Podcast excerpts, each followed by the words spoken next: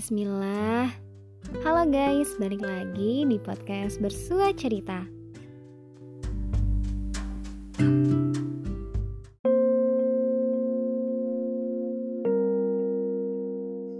2020 Tahun cantik di mana aku bisa dapetin banyak banget makna di dalamnya.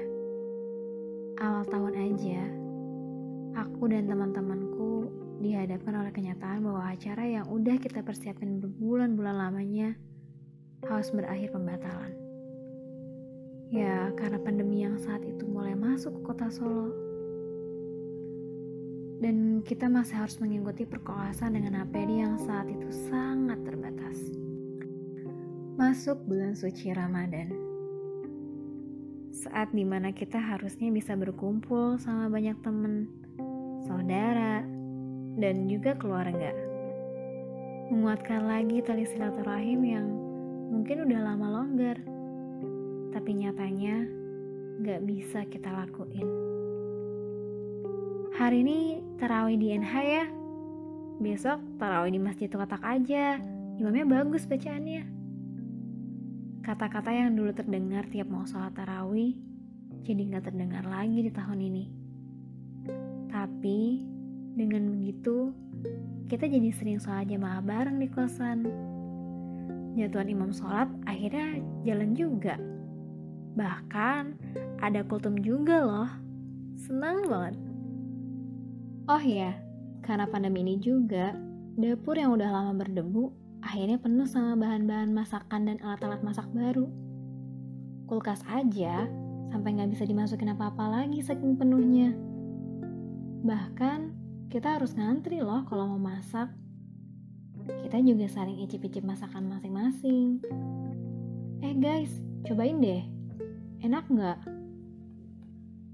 Aku buat ini nih. Yuk makan bareng. Kamar Tiara yang tadinya diisi cuma dia dan Amel doang, jadi basecamp kami kalau mau makan bareng. Ngobrol bareng, bahkan sekedar tidur-tiduran aja. Idul Fitri tahun ini juga jadi yang pertama kalinya buat kita sholat Idul Fitri di kos-kosan. Dan kalian tahu, malamnya kita masak-masakan hari raya sama-sama loh. Bikin ketupat, krecek, dan ada opor juga. Keren gak tuh? Udah jadi istri idaman banget gak sih? ya cuma pas Idul Fitri aja. Idul Adha kita juga masak-masak bareng loh ada gulai, ada tongseng, bahkan kita bikin nasi kebuli juga. Hah? Emangnya dapat daging dari mana? Eits, jangan salah. Banyak loh yang ngirimin daging pas Idul Adha. Gak ngerti lagi deh. Kenapa ya orang-orang pada baik-baik banget? Rezeki emang gak ke mana. Meskipun gak sama keluarga, tapi kita bisa merasakan kehangatannya bersama keluarga kita yang lain. Dari yang gak begitu dekat, jadi dekat. Dari yang dulu cuma saling sapa, akhirnya bisa nyanyi sama-sama. Dari yang dulu cuma ngetok pintunya untuk hal penting aja, sekarang gak penting pun tiba-tiba masuk dengan sendirinya. Emang ya, skenario Allah untuk menyatukan hati orang-orang tuh ada aja. Tahun 2020 juga jadi tahun yang paling menentukan untuk pendidikanku yang udah aku lalui selama enam tahun lamanya. Uji kompetensi yang aku ikutin dilaksanakan tahun ini. Ujian yang menentukan jalan hidupku selanjutnya. Menjadi dokter. Alhamdulillah, nama aku jadi ada gelarnya sekarang. Berat sih, nanggung gelar yang berat banget tanggung jawabnya. Tapi ini udah jadi pilihanku dari awal. Bismillah ya, semoga aku bisa amanah sama gelarku ini. Tahun 2020 ditutup dengan banyak hal yang gak menyenangkan. Banyak kabar-kabar duka menyelimuti yang rasanya gak berhenti-henti. Hampir tiap hari orang tua teman, dosen, bahkan teman kita sendiri.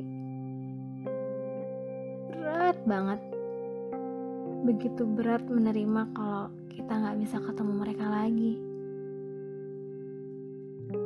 Hal terbaik yang bisa kita lakuin ya cuma doa untuk mereka. Jangan lupa doain mereka ya. 2020 jadi ngingetin aku akan pentingnya sebuah pertemuan, sebuah kebersamaan, kesehatan, dan yang paling penting, keikhlasan. Emang berat ngelaluinnya, tapi nyatanya kamu bisa kan? Kamu hebat. Kamu hebat bisa ngelaluin tahun ini dengan caramu sendiri.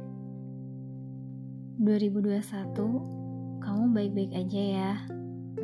Semoga nggak ada lagi cerita-cerita sedih di dalamnya. Terakhir, jangan berhenti untuk berdoa supaya pandemi ini cepat berakhir. Oke? Okay?